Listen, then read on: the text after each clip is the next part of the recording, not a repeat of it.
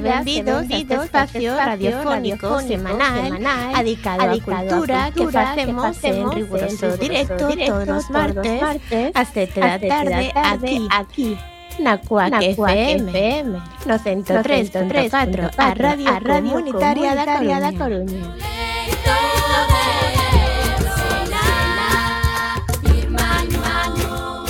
A Agrupación, a Agrupación Cultural, Cultural Alexandre Poveda presenta este programa que podedes escoitar en directo a través da internet na páxina da emisora coacfm.org barra directo e tamén na aplicación móvil. E se non chegaches a tempo, non tendes excusa, compañeira. Podedes descargar todos os programas xa emitidos en Radioco, Radioco. O Mega Podcast, da nosa emisora, ou tamén, podedes escuitalo na redifusión, que será os mércores ás 8 da os venres ás 6 horas, e na madrugada do domingo ao lunes ás 12 da noite. E, a e agora, seguídenos, seguídenos nas redes sociais, tanto deste tanto programa, deste programa como da propia, propia agrupación Alessandre Bóveda, que teñen abertas, abertas as súas canles, canles en Instagram, en Instagram Twitter, Twitter e Facebook, e Facebook. Ou unha web, www.alessandrebóveda.gal. xa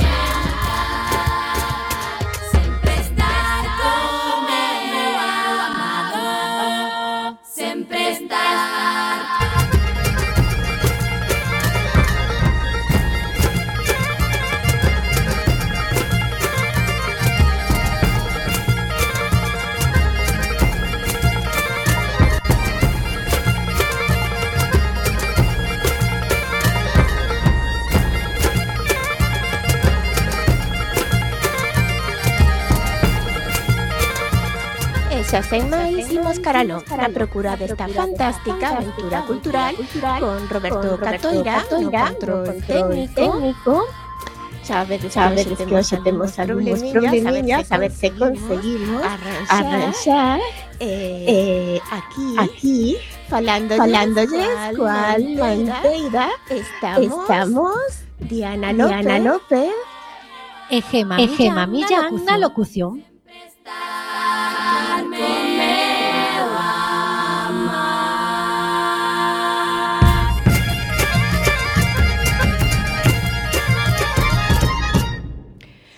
programa, programa número, 450, EUN. Oye, estará, con, estará con nosotros Sonia, Sonia Villapol, una hada científica galega más prestigiosa que nos atenderá desde Houston.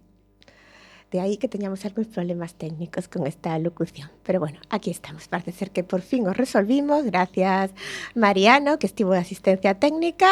Roberto suspira aliviado, así que seguimos. Oxe, Na Coruña estamos de loito pola triste e inesperada noticia que recibimos onte do pasamento do noso veciño Miguel López, o hematocrítico, afamado tuiteiro, educador, escritor e colaborador radiofónico e queremos sumarnos ao pésame e adicarlle este programa. Descansa en paz, Miguel. Falaremos tamén das actividades da nosa agrupación e das outras cousas que se fan na Coruña e na Galiza e que tamén son cultura.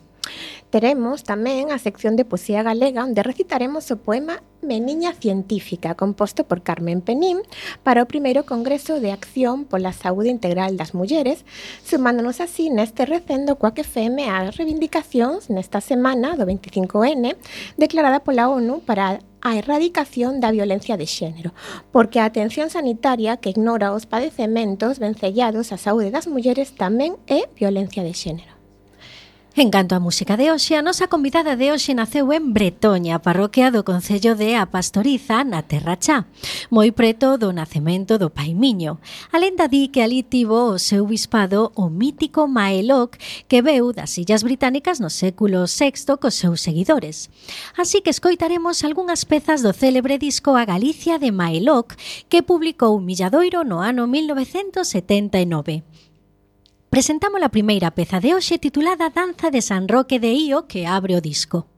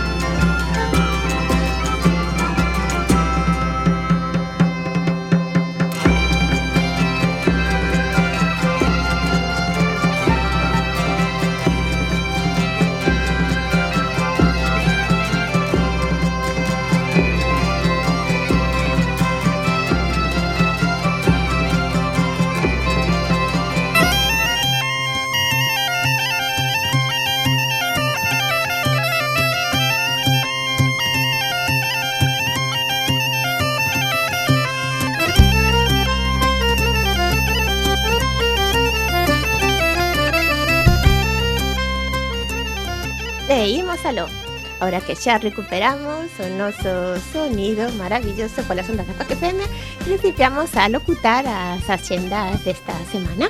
Principiamos como sempre coa axendas nosas nosas cultural, cultural Alexandre Bóveda. O martes 28 teremos connosco a Elena Vázquez Cedón que nos ofrecerá dentro do ciclo Pensando a Ciencia unha palestra co título Matemáticas de Proximidade, O obxectivo do relatorio é aproximar a matemática industrial ao auditorio partillando aplicacións desenvoltas en Galicia en tema do fluxo da auga e do gas. Elena Vázquez Cendón, Cendón perdón, é decana da Facultade de Matemáticas deste xullo 2017. Será ás 19.30 horas no noso local, que xa sabedes que está na Rúa Santo André 36 no primeiro andar do edificio do Círculo de Artesanos da Coruña e que ali vos esperamos cos brazos abertos para festexar e difundir a cultura galega. Celebraremos a gala do 26 Memorial Iván Toxeiro mércores 29 de novembro. Este ano leva por título Queroche un conto, xa que ya queremos dedicar a narración oral e conta coa participación do narrador Kiko Cadaval e a narradora Carmen Conde. Escoitaremos contos novos e vellos da man de da Asociación Cultural Alexandre Bóveda Teatro e será presentada por Sabela Hermida. A entrada é libre. Os espazos serán ocupados por orde de chegada, ás 20:30 no Teatro Rosalía de Castro. E o xoves 30 presentarase no noso local a traducción feita por Miguel, por Miguel Romero de Hamlet, de William Shakespeare, editado por Laio Vento. Na presentación estarán, ademais, o traductor da obra Manuel Lourenzo, autor, director e actor teatral. Será ás 19.30 horas no noso local da Rúa Santo Andrés. O Benres 1 abordaremos coa magistrada Ana López Suevos diferentes aspectos sobre a violencia sexual. Nesta palestra analizará desde o punto de vista da xustiza a Lei Orgánica 10 barra 2022 de do 6 de setembro de garantía integral da liberdade da liberdade sexual máis coñecida como Lei do so, Si e Si. Esta palestra fai parte do ciclo Mulleres e Realidades Comuns que coordina Cristina Bajo e que organizamos en colaboración coa Marcha Mundial das Mulleres. Será ás 19 horas no noso local.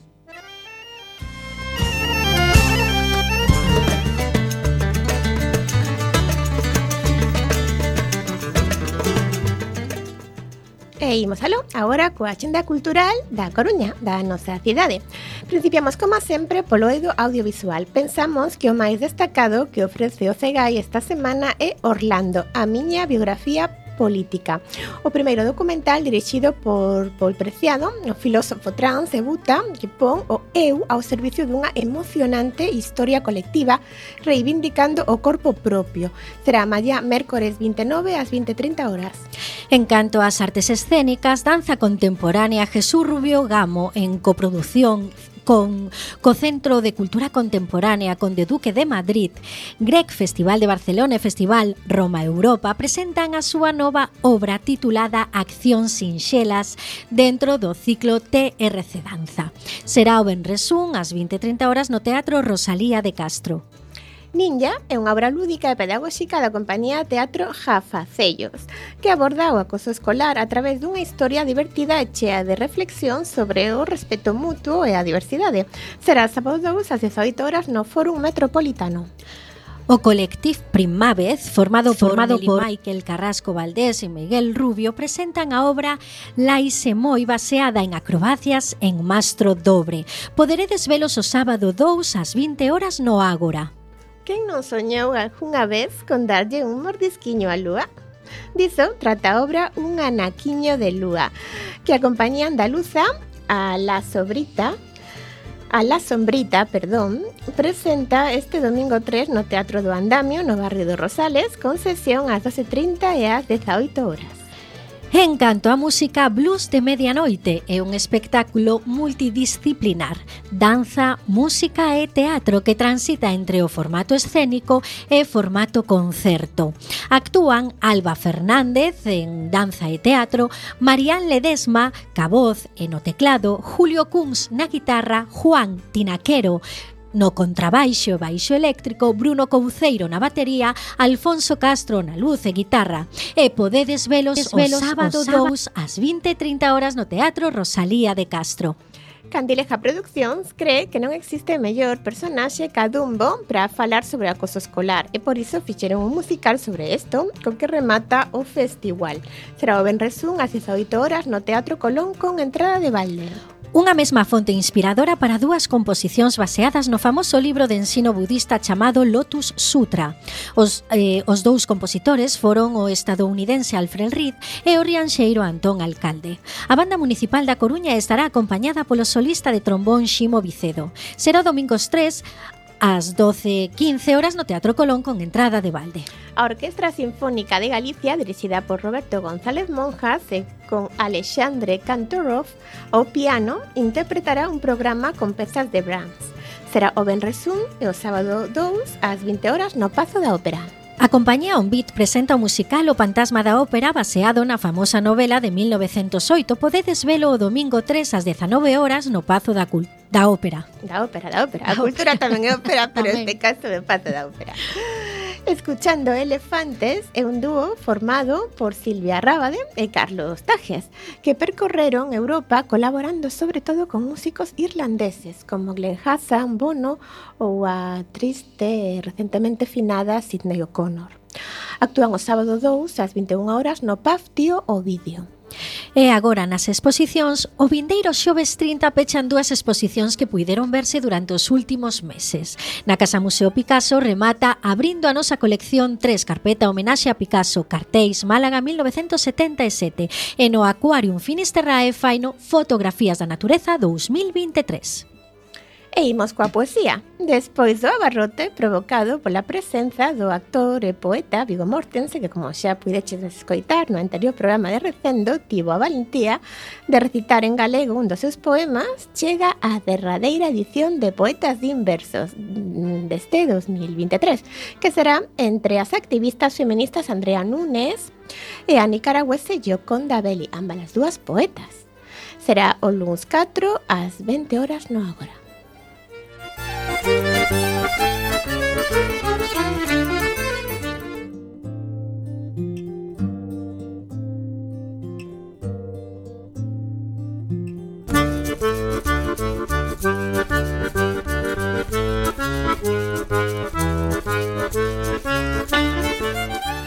Agora toca a quenda a xenda de Galiza e comezamos por Ferrol. A Compañía Teatro do Noroeste presenta a obra As Damas de Ferrol protagonizada por Mónica Camaño e Casilda Alfaro.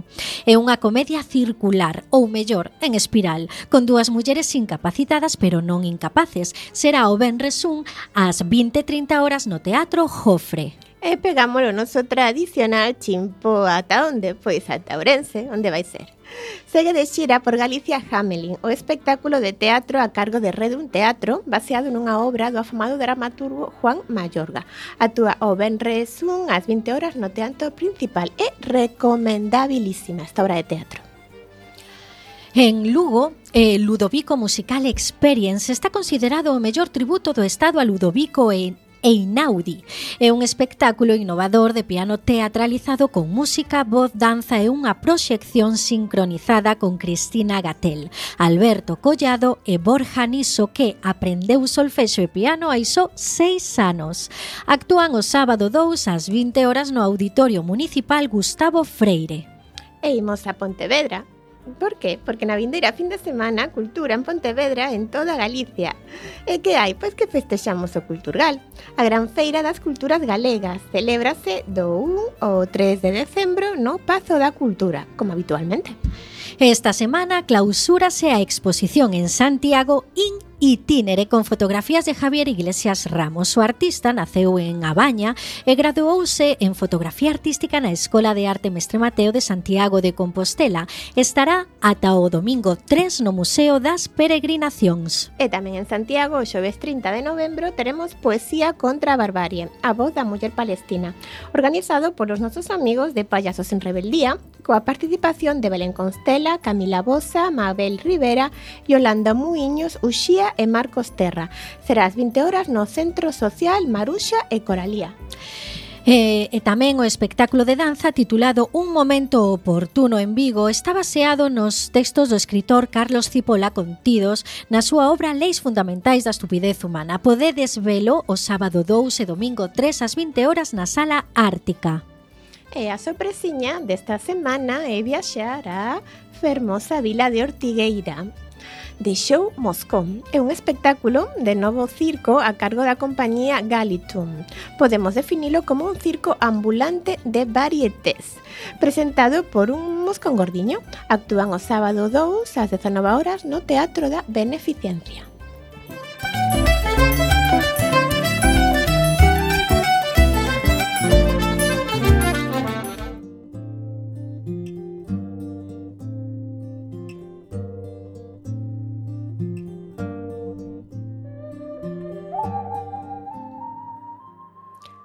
A nosa meniña non xoga con bonecas, colle os xoguetes e rompe todas as pezas.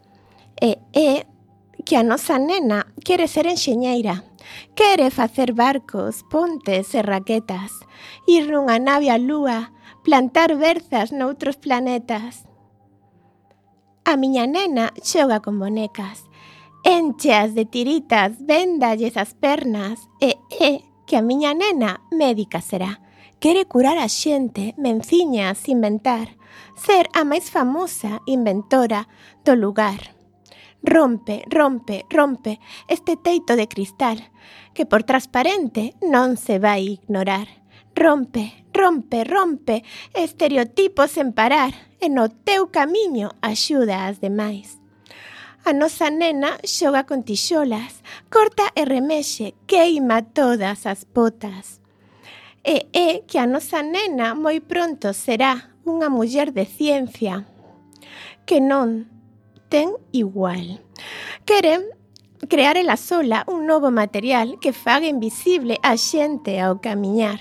E é que as nosas nenas deben soñar o máis grande e alto que elas queiran chegar.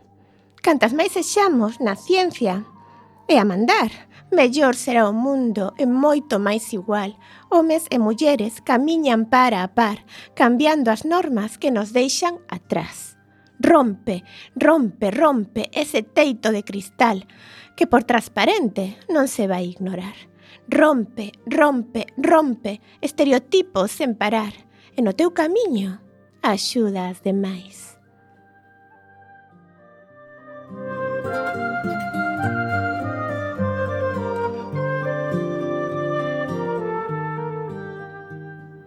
Acabades de escoitar o poema titulado Meniña Científica, composto por Carmen Penín para o primeiro Congreso de Acción pola Saúde Integral das Mulleres, que se celebrou no mes de maio de 2022 no Museo Nacional de Ciencia e Tecnoloxía ubicado na Coruña e que estivo organizado pola Asociación Las Ciencias Femenino. Amigas e compañeiras da Coac FM, a emisora comunitaria da Coruña.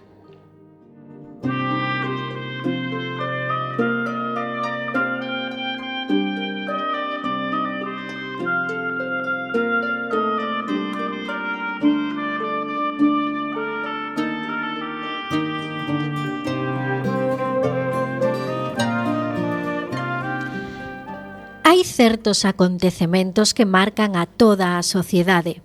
Nos últimos tempos un deles foi a pandemia. Todos quedamos marcados por eses días de confinamento e restriccións, mais hai xente que lembra a pandemia porque perdeu algún ser querido ou porque a súa calidade de vida viuse minguada para, o resto das súas vidas por mor das secuelas deixadas pola infección do COVID. Estas persoas son as que padecen COVID persistente. Algúns dos síntomas do COVID persistente son a perda de olfato, fatiga crónica, perda de memoria, incapacidade para se concentrar, alteración do estado de alerta, ansiedade e mesmo psicose. Esta lista de síntomas teñen en común que denotan algún tipo de fallo neurolóxico. De feito, crese que entre un 40 e un 60% de persoas infectadas polo COVID sufriron ou sofren dano neurolóxico.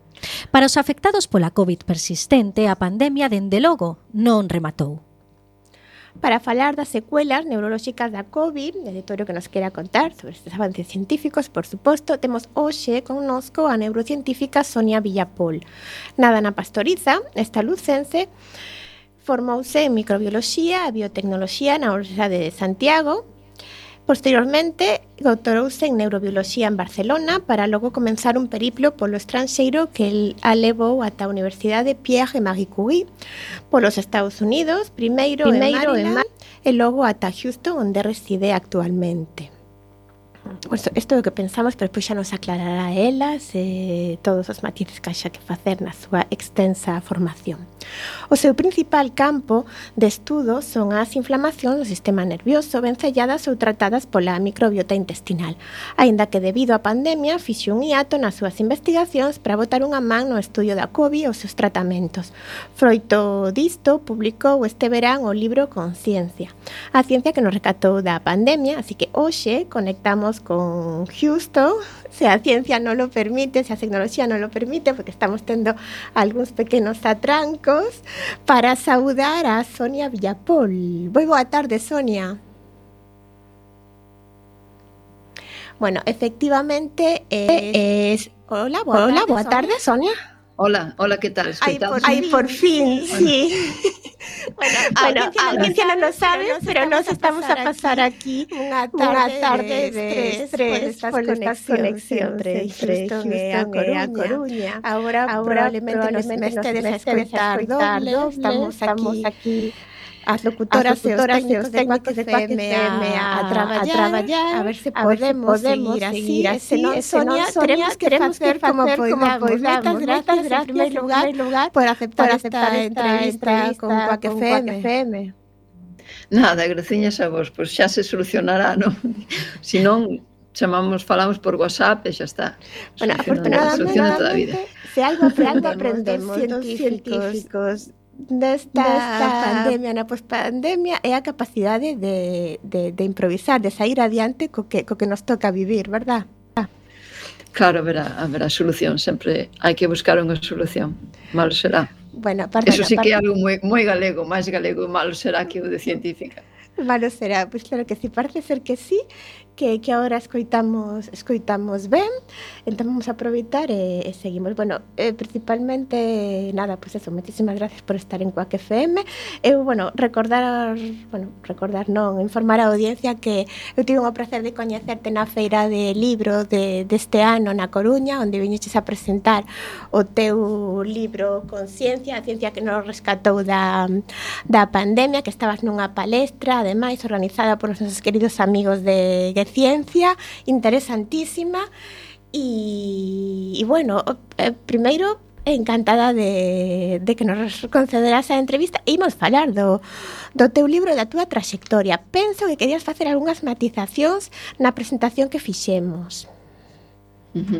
Sí, non, graciñas, e ora, ora sí que me dou de conta de ti. Antes non, polo nome non me daba de conta, pero ora sí que que a xente non nos ve, pero eu estou te vendo por este por este pantalla, entón se xa me dou de conta de quen eres.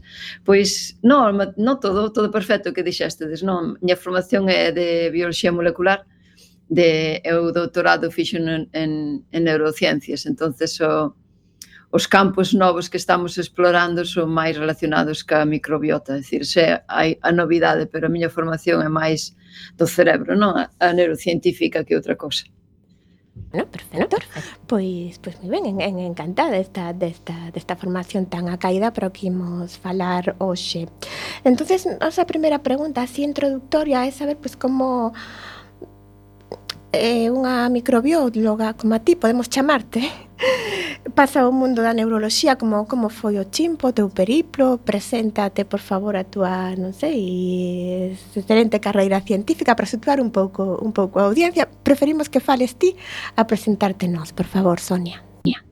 Vale, pois sí, brevemente, eu fixen a carreira de bioloxía na que a especialidade de bioloxía Molecular non en Santiago e despois o doutoramento eh, en Barcelona, na Autónoma de Barcelona, en, en Neurociencias. E, e ben, sabedes que hoxe en día calquer tipo de investigación que se faga, se non a faz multidisciplinar, pois, pois perdeste moitos, moitos campos de estudo e é moi difícil descubrir algo novo se non hai moitas disciplinas que traballan en conxunto. En, esa é a razón principal de que ben, teño colaboradores de, que son microbiólogos, outra xente que fai uh, nanopartículas, nanomedicina, e outra xente que é bio, bioinformática, entón todos en conxunto, equipos de científicos, facemos investigacións en, en determinados campos, non? Entonces, uh, en que a miña especialidade é o cerebro, pero teño que saber un poquinho de bacterias, un poquinho de bioinformática, un poquinho de, de nanopartículas, etc., para entender un pouco o que estamos facendo. E, e penso que así é, é dinámica, non? Tens que ser un poquinho de, de todo, pero ser forte na túa disciplina. E así forman esas colaboracións científicas e sacamos as investigacións. Claro, en claro. concreto, antes da pandemia, en que estabas a traballar ti? Aí en Houston, pensamos que estás, non? Sí, levo cinco anos en Houston. Antes estiven en Washington, en DC, na, na, na capital dos Estados Unidos durante oito anos, casi, casi nove eh, na Universidade de Georgetown, nos Institutos Nacionais de Saúde. Eh, estiven sempre traballando, levo 20 anos traballando na inflamación cerebral, no, nos danos neurolóxicos, ben o, aplicados a moitas enfermedades, non? A traumatismos cranoencefálicos, a, a, o Alzheimer, a, a ictus ou mesmo a COVID. É dicir, é máis ou menos todo todo é o mesmo, é a inflamación e danos cerebrais. E a COVID tamén, tamén os afecta, tamén os causa de deixar un pouco ao lado, pensamos, as túas investigacións para botar unha man nesto da pandemia. Chamaron, te ofreciches de ti, como foi esta viraxe? Sí, foron as circunstancias, entón todo o mundo quería aportar algo e eu usei o meu o meu perfil para, para aportar ese, ese coñecemento que, que faltaba do, do impacto do, do virus, do SARS-CoV-2 a nivel neurolóxico, a nivel de, de cambios da microbiota. Entón, os nosos estudos que teñamos con pacientes de, de Alzheimer, pois, tamén incorporamos pacientes de, de COVID e despois pacientes con, con COVID persistente máis adiante, meses despois, e, e máis ou menos así. Tamén estive en, colaboración con outros grupos de científicos que estaban a mirar as secuencias, a secuenciación do xenoma e como tipo que tipo de variantes estaban a, a xurdir e como como afectaban diferentemente o, o cerebro, non? Entón foi máis ou menos um, como empezamos algún tipo de, de investigacións e logo xa xurdiu a explosión e o boom co que estamos agora que é a COVID persistente. Moi, moi boa, Sonia, un placer. Eh, eh, formaches eh, eh, parte dun equipo internacional de investigación da, da COVID. Canta xente forma parte dese equipo e eh, cales son eses perfis? Si, sí, como che comentaba antes, eh, son eh, de moitas disciplinas científicas, dende dende eh, os campos da informática, xenética, eh, científicos de, de enfermedades infecciosas, obviamente, pero de todos, non? Porque iso, o virus afecta a todos os sistemas, eh, en todos os, os campos da saúde poden estar involucrados e tamén non, non esos os, os factores eh, ambientais, o, o, o control de, da detección do virus, etc. Entón, é dicir, é, é un, todos os campos científicos teñen un punti, un, unha aportación que facer. E basicamente comenzamos aquí este grupo no 2020, xusto cando xurdiu a pandemia no, en marzo, eh, aquí en Houston con compañeiros da NASA e, e despois foise abrindo a, a outras institucións nos Estados Unidos e logo xa máis a nivel internacional comenzamos a colaborar cos italianos e todo isto. Desto conto un pouquiño no libro tamén que, que me publicou Xerais, porque quería facer un pouquiño explicar como, como comenzamos, non é como, o que, se, como se fixeron as investigacións. E, e seguimos, seguimos colaborando, non, non tanto ora co da COVID, por exemplo, co da NASA, agora estamos eh, analizando como impacta a, a radiación ou a, os viaxes espaciais na, nos cambios da microbiota non? e como isto afecta a inflamación e, e todo isto, un poquinho relacionado pero xa un pouco ao marxe da, da COVID. Uh -huh. Eh, sí, eh, vale. Eh, os, eh, es, os primeiros estudos, volvendo un poquinho a COVID, eses primeiros estudos eh, eh, ata, ata onde os eh, foron dirixidos nun primeiro momento? Os primeiros estudos, por exemplo, o primeiro artigo que publicamos no 2020 foi da, das secuencias que estaban, secuenciamos o xenoma da, do SARS-CoV-2 e, e como, como estaban a, a mutar e a variar aquí no, na área de, de Texas, en Houston, e despois fomos aumentando o análise de xenómico e, e para, para intentar identificar novas variantes e logo eh, ese foi un traballo en colaboración e logo xa nos metemos máis o tema de, das bacterias intestinais porque é o tema de un dos temas que, nos que se centra o meu laboratorio é como a flora eh, da microbiana como a, a, o sistema inmune está regulado pola microbiota e que impacto ten a COVID en todo este sistema non? E isto xa foi un traballo de máis tempo e, e ora rematamos, penso, que a última enquisa dos pacientes que foron hospitalizados no 2020 e puidemos uh, como definir un perfil de, de microbiota que cambia ao longo do tempo e que pode ser un, un tema de, de como de diagnóstico da COVID persistente, dos síntomas a nivel neurolóxico. Ese para min que foi o tema central máis máis importante, non? O, o, o papel que tiña a microbiota na COVID persistente. Ta, se eh, queredes, mandovos, ah. mandovos sí. o, presentamos este traballo por primeira vez, non, por si, sí, por primeira vez, uh, fai dúas semanas, uh, pacientes da COVID, de, tres anos despois da infección, que teñen COVID persistente, e os síntomas que, que persisten, non? É que, é que cambios na microbiota os poderían definir. E presentamos este traballo na Sociedade de Neurociencias en Washington, fai un par de semanas, non? Eh, a miña a miña ambición é mandalo para publicar antes de remate o ano. Polo tanto, está a piques de, de publicarse todos estes datos con pacientes que de pacientes non que foron ingresados e, e que perfil podíamos sacar de todo isto. Así que, ben, un traballo que levou, levou seu tempo, pero, ben, penso que vai ter algo de repercusión. Bueno, claro que sí. As nosas felicitacións e o noso agradecemento por todo o teu esforzo como científica. E, resumindo moito, moito, moitísimo, para a nosa audiencia recendeira, sabemos que a microbiota é a palabra científica do ano pasado, deste ano, eh, eh, creemos que, que deste lustro a nivel científico eh, nunhas frases. Que, que indicación se podemos dar de dietética e de nutrición para mimar a, a microbiota a nosa audiencia aquí recendeira galega? Sí, é un tema interesante mm, no canto de que antes non tiñamos as ferramentas para, para estudiarlo E agora temos novos avances de informática, os diseños de, do software para analizar a taxonomía das bacterias intestinais que cada persoa ten. Danos unha definición de como se fora un código de barras. Non? Cada persoa ten os seus, as súas bacterias en, que determinase mesmo dende a maneira de, que nacemos se nacemos por parto natural ou por cesárea, mesmamente, non? Aí xa se define a nosa microbiota e logo vaise, vaise esculpindo a medida que medramos e, e temos unhas, unhas bacterias distintas a todo o mundo. E, e este perfil pois, é moi importante para despois para para estar protegidos de, de frente a enfermedades, para ter predisposición a outras enfermedades, e todo isto é moi descoñecido. Algo moi interesante é é o, o impacto desta, destas bacterias nos intestinos que pode ter a nivel neurolóxico, a nivel de, de, de, de, de eso, de saúde mental, por exemplo. Pode influir na ansiedade, na depresión, pode, pode ter todos estes factores. E daí a tua pregunta, porque é importante, é importante iso, non?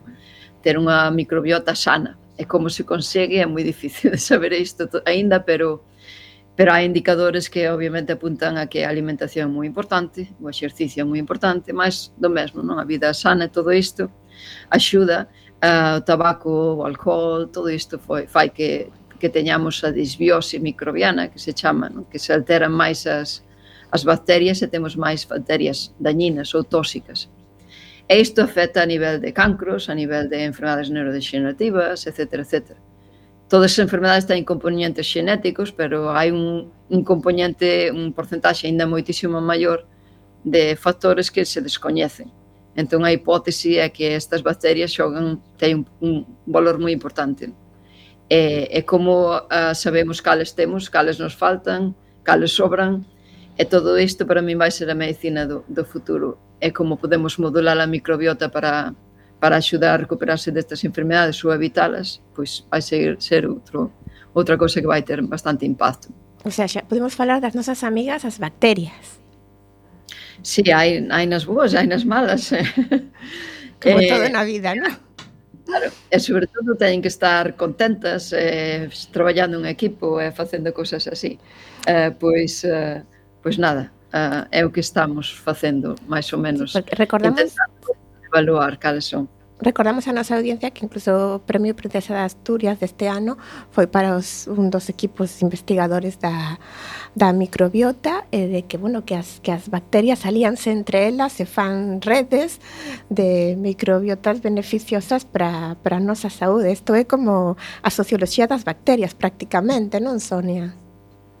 Sí, forman pequenos ecosistemas e que, e que ben, que hai que hai que entender o, como funciona, non? Como funcionan as súas os seus poblados, digamos, as súas pequenas aldeiñas que van facendo. Entón hai que hai que alimentalas cos prebióticos, que que digamos que é a comida máis uh, saudable como uh, verduras, todo que conteña la omega 3, etc, etc. Isto fai que traballen mellor Ainda que de haxa poucas boas, pois poden rematar coas malas. É dicir, é, é son, isto se me escoita calquer científico botas mans á cabeza de que estou falando de bacterias boas e malas, que eso non existe, xa como un tabú a nivel de nós non podemos clasificalas así, porque, bueno, non ten nada que ver, non? Pero é unha maneira de explicalo, de que, que é eso, a interacción entre elas e todo isto.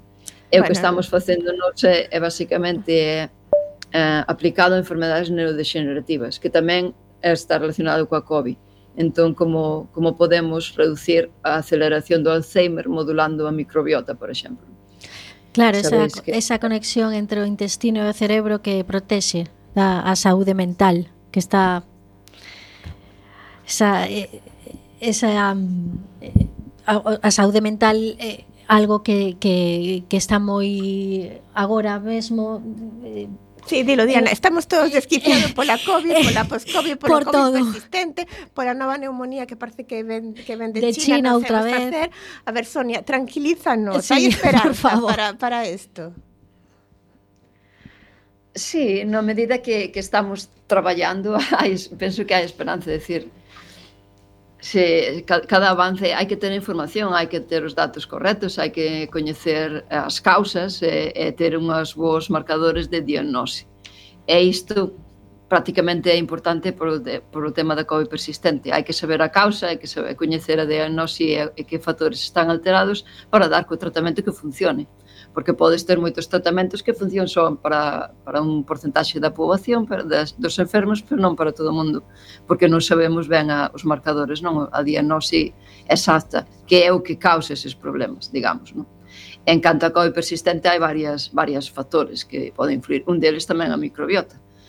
Pero, pero ben, en canto a outro tema, pois para min iso é que a enfermedade de un pouco do futuro é, é é a resistencia aos antibióticos, non? E, e todos estes problemas que está pasando agora na China e, e todo isto pois, está moi asociado a, a pois, potencialmente, non? Hai que antibióticos que xa non teñen a mesma efectividade para atallar certas bacterias que teñen eh, problemas, bon, que, ta, que teñen eh, non que causan esta neumonía na, nas crianzas aí que están aparecendo na China, tampouco sabemos toda a información, pero pero ben, hai que analizar un pouco máis é a micoplasma esta neumonía, que é a bacteria que se asociou, pero pode que haxa interacción con outras bacterias, e, e que os antibióticos non fagan tanto efecto.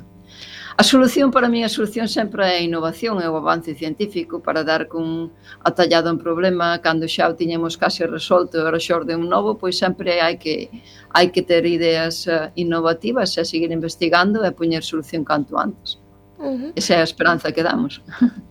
Volvendo ao tema da COVID persistente, Eh, bueno, non sei, nos fixemos así un pequeno resumo ao principio, pero seguro que ti podes describir con máis exactitude toda a constelación de, de síntomas que se recollen baixo, baixo este sintagma de COVID persistente. E a, a, a gran pregunta é que hai xente que presenta COVID persistente e outros non. Eh, fálanos un pouco un pouco deso, porque é o que máis interesa a, a audiencia desta diferenciación que temos os humanos como un mesmo virus algunhas persoas pasa prácticamente sen, sen facerlle daño, a outra falle, falles moito mal e, e eso, a, a tema esta da COVID persistente de xente incluso de que tivo un COVID lixeiro.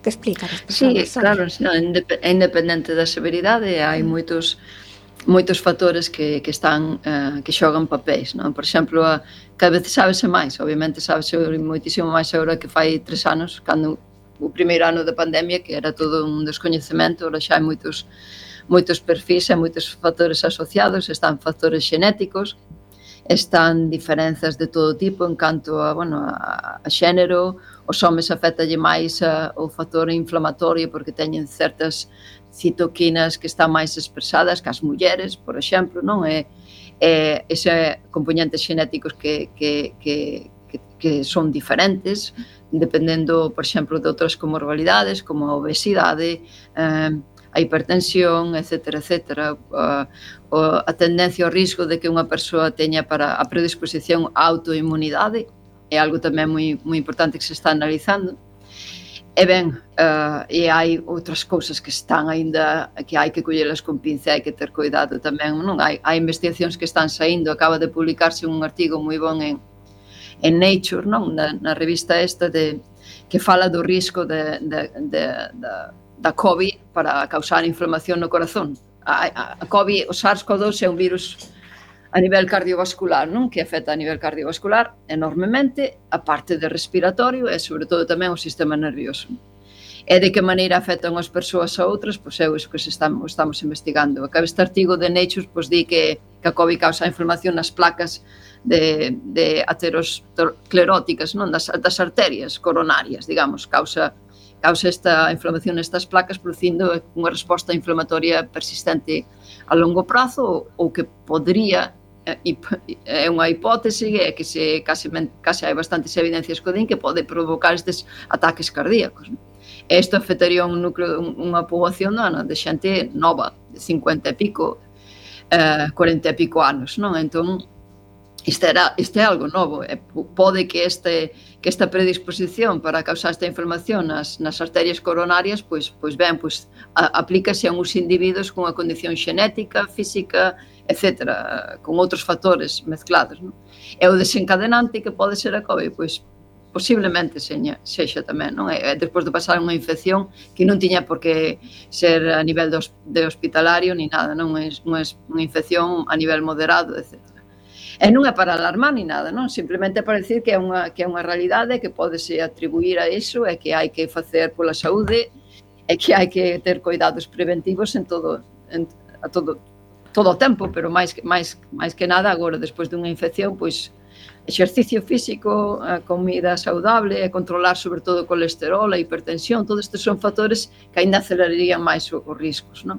Uh -huh. eh, Eh, se falamos da COVID, Sonia, temos que falar das, das vacinas da COVID que se fixeron nun tempo récord cun enorme esforzo por toda a comunidade científica e que, bueno, non se salvaron da polémica tampouco. Sabes que, bueno, hai moitas hipótesis de vincular efectos eh, non desexados con estas vacinas. Que nos falas ti sobre isto?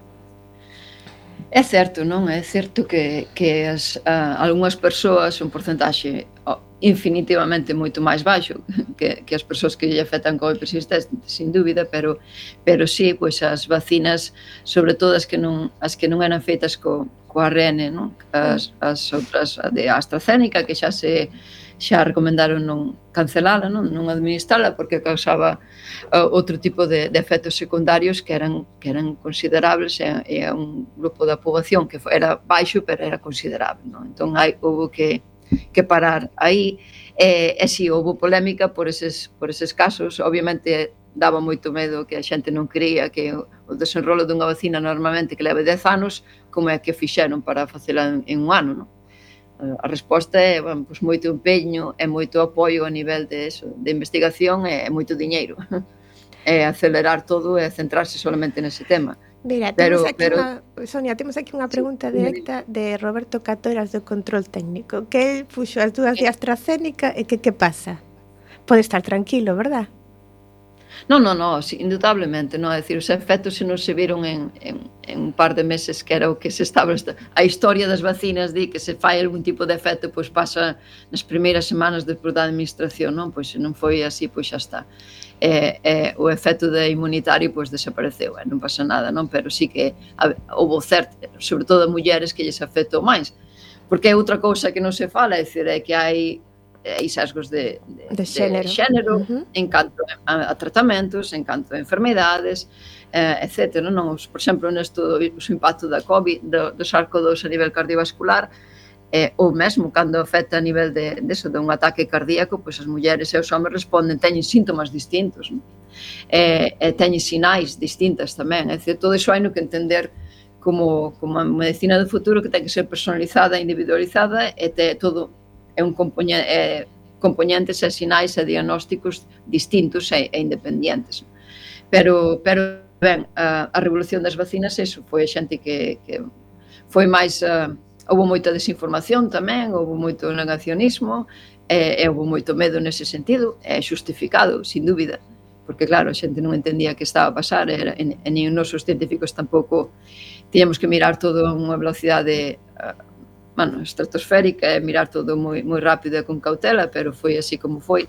E, e penso que foi unha revolución moi grande que axudou a acelerar moitos, outros, moitos tratamentos para outras enfermidades. Non? E mesmo aí no libro creo que que comento van, eh, creo non, si acórdame no, no último capítulo que falo disso, non da revolución da, da ciencia en pós-pandemia Porque toda esta, por exemplo, na mesmo, un exemplo no meu laboratorio ora todos os fármacos que estamos aplicando para danos cerebrais a nivel experimental, pois ora encapsulamos todo nestas nanopartículas que as que se utilizaron para encapsular as, as vacinas de Pfizer e de Moderna, principalmente as de ARN, non?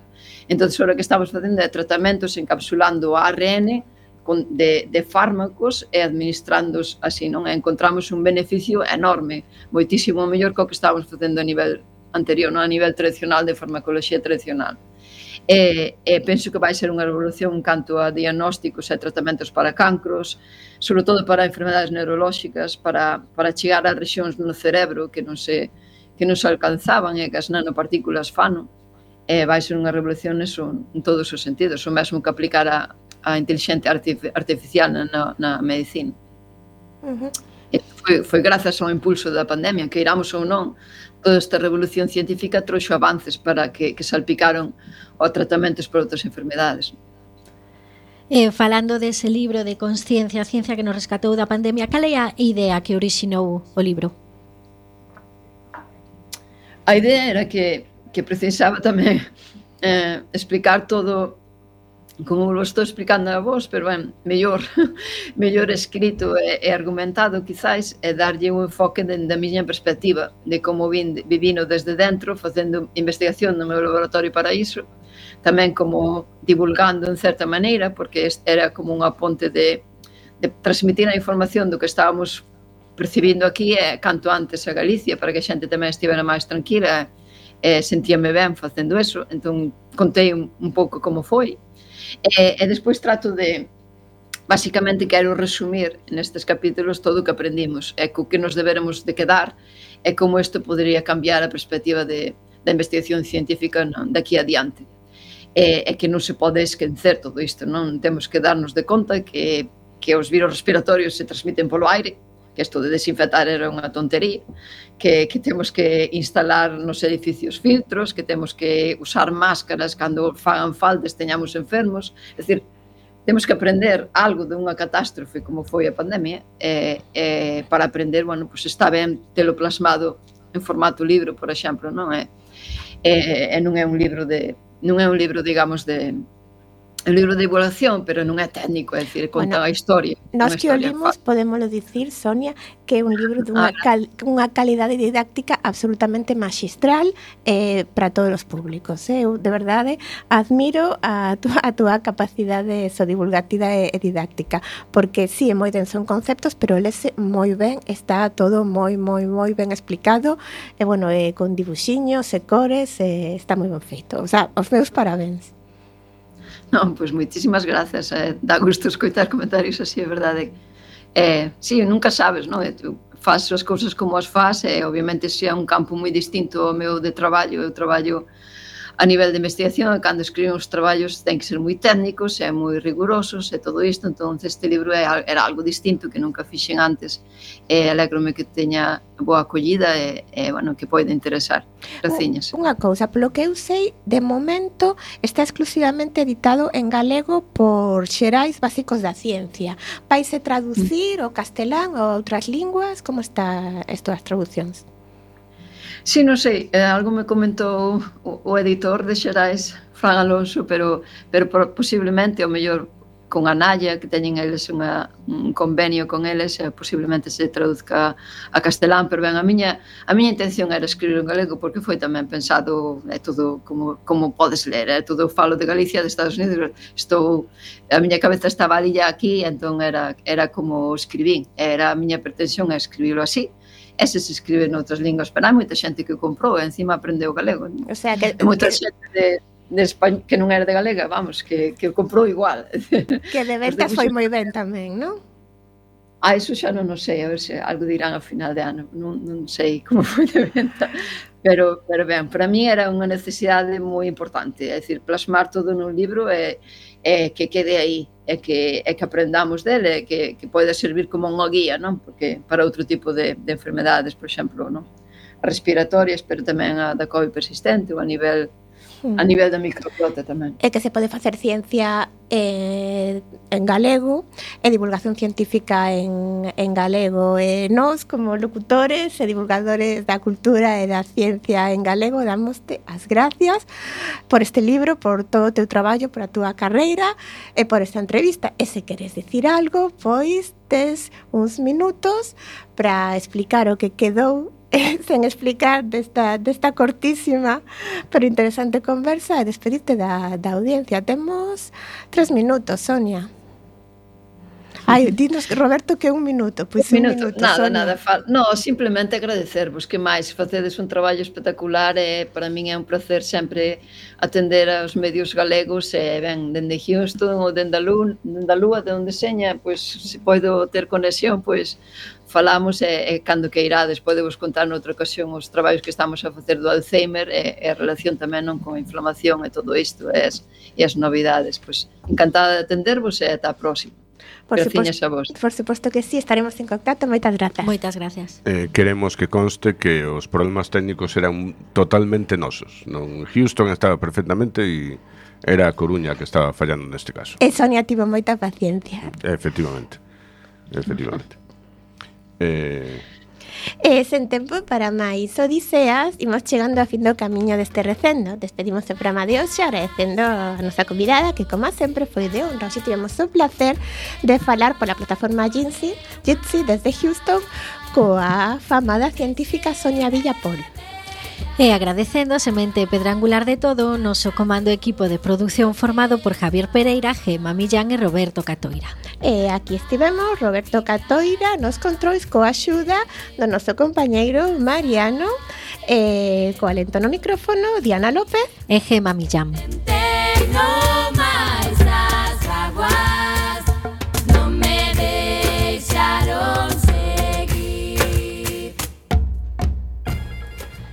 acompañándote neste recendo de palabras e de imaxes radiofónicas que nos traen este aroma cantando na nosa lingua e que nos permite hoxe tamén no futuro a permanencia da palabra, da música da implicación e o compromiso coa nosa nación a Galiza. Ata o vindeiro martes ás 7 da tarde en directo nesta emisora Cuac FM da Coruña. Xa sabedes, recendo as mil primaveras que terá o noso idioma. Xa